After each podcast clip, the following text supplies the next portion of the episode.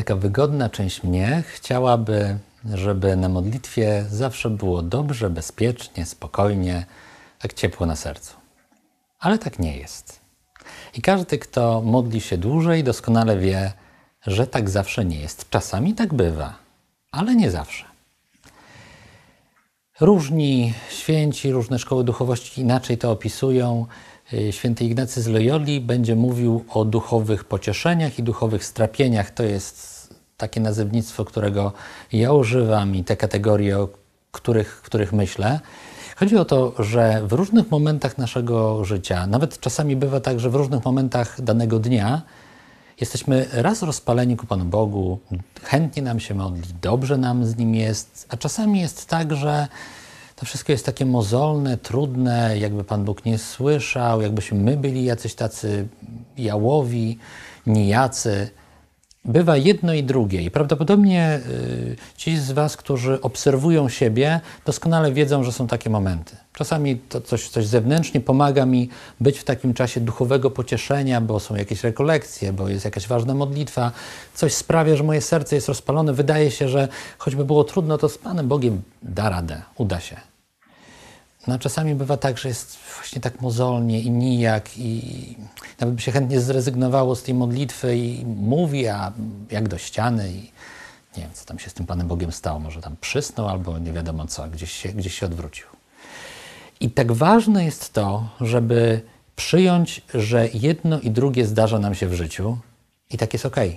I tak jest dobrze. Tak jest naturalnie. Tak mamy wszyscy nie jest naszym celem, żeby cały czas być w tym duchowym pocieszeniu. Żeby zawsze było miło, przyjemnie, sympatycznie, blisko. Czuję Pana Boga.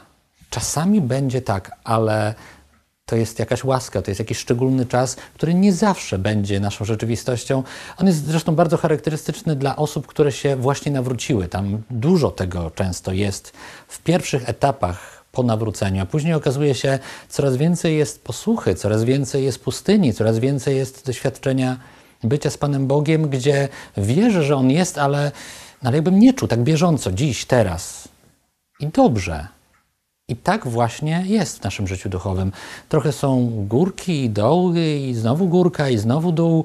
Mam być w tym mądry. Jeśli w ogóle pozwolę sobie na to, to tak pulsuje, tak się zmienia, to już pozwalam sobie na to, żeby y, ten rytm życia duchowego był ustalany przez samego Pana Boga.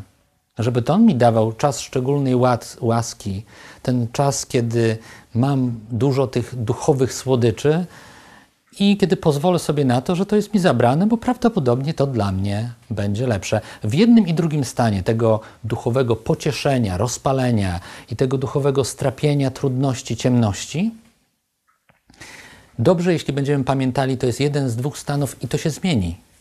Czyli jeśli ktoś jest w tym duchowym strapieniu, jest trudno, mozolnie, to niech pamięta, to tak nie będzie do końca życia.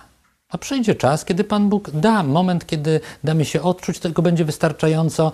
To jeszcze nie jest koniec świata. Nie chcę panikować, nie chcę robić jakichś gwałtownych ruchów. Po prostu tak jest. Ale też wtedy kiedy jestem taki rozpalony, kiedy wydaje się, że łatwo na modlitwie i no to, no to chciałbym w pokorze pamiętać o tym, to teraz mam taki szczególny czas, ale kiedy będzie trudniejszy, chcę się przygotowywać na tamten czas.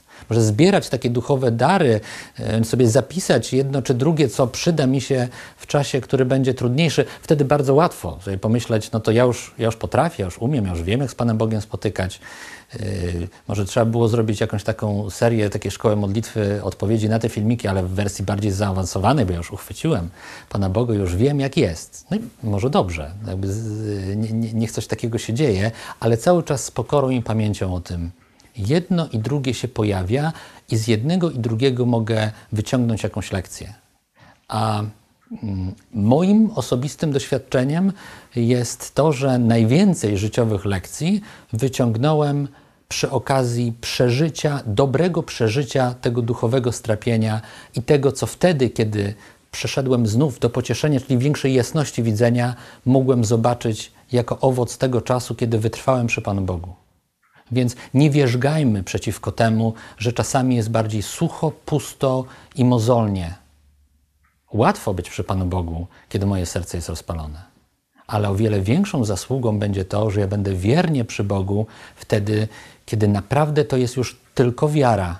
Kiedy ja nie mam żadnego profitu, kiedy nawet nie jest mi miło z Nim na modlitwie, kiedy trwanie w przykazaniach okazuje się być wielkim wyzwaniem, kiedy to jest walka, no to tym bardziej wtedy jest to e, pięknem, że ja przy Bogu trwam. I nawet jeśli tego nie odczuwam, prawdopodobnie Jezus jest wtedy bardzo ze mnie dumny, że trwam, że jestem, że staram się, że w tym, co jest taką ciemnością, chcę wierzyć, że ta światłość jest większa niż ciemność, której doświadczam, że Jezus mnie poprowadzi do siebie, chociaż w tym momencie jakbym go nie widział.